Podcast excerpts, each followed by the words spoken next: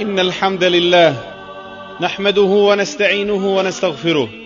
ونعوذ بالله من شرور أنفسنا ومن سيئات أعمالنا من يهده الله فلا مضل له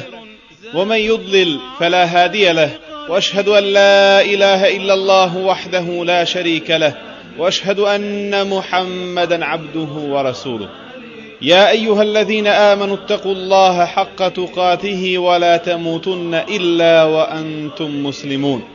يا أيها الناس اتقوا ربكم الذي خلقكم من نفس واحدة وخلق منها زوجها وبث منهما رجالا كثيرا ونساء واتقوا الله الذي تساءلون به والأرحام إن الله كان عليكم رقيبا يا أيها الذين آمنوا اتقوا الله وقولوا قولا سديدا يصلح لكم أعمالكم ويغفر لكم ذنوبكم ومن يطع الله ورسوله فقد فاز فوزا عظيما أما بعد فإن أصدق الحديث كتاب الله تعالى وأحسن الهدي هدي محمد صلى الله عليه وسلم وشر الأمور محدثاتها وكل محدثة بدعة وكل بدعة ضلالة وكل ضلالة في النار Amma ba'd, cijenjena i poštovana braćo, neka je neizmjerna hvala uzvišenom Allahu koji nas je stvorio u najljepšem obliku i koji nam je podredio sve što je na nebesima i na zemlji da nama služi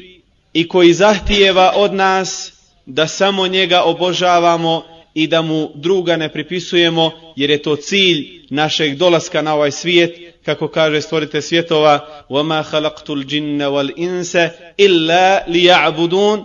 Džinne i ljude sam stvorio samo radi toga da mene obožavaju, da meni ibadet čine. Uzvišeni Allah subhanahu wa ta'ala najbolje poznaje nas, to jest stvorenja koja je On stvorio i zna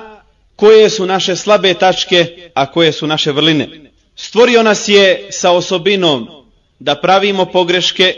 da imamo nedostatke, ali nam isto tako stvoritelj svjetova pruža mnoštvo prilika da zaslužimo njegov oprost i njegovu milost. Gospodar svjetova nam je podario mogućnost da dnevno kroz obavljanje pet namaza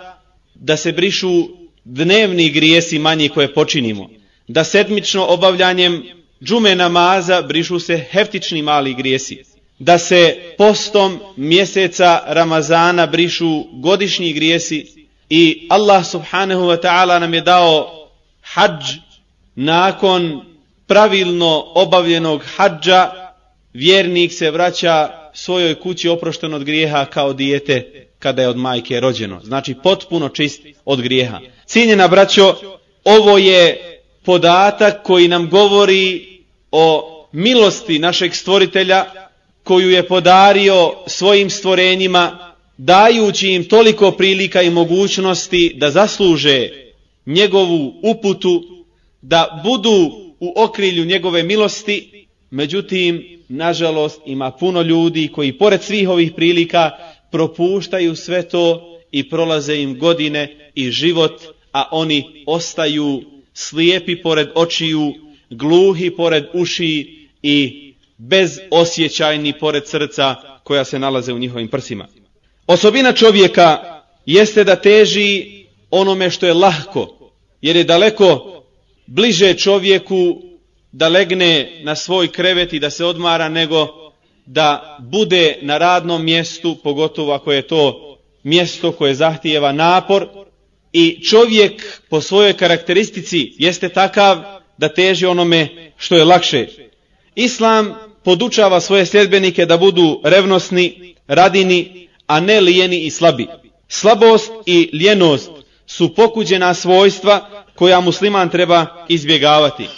Muhammed sallallahu alaihi wasallam je u dovi često molio svoga stvoritelja Allahumma inni e'udhu bika min al-ajzi wal-kesel wal jubni wal-harami wal-buhl Allahu, utičem ti se od slabosti, lijenosti, kukavičluka,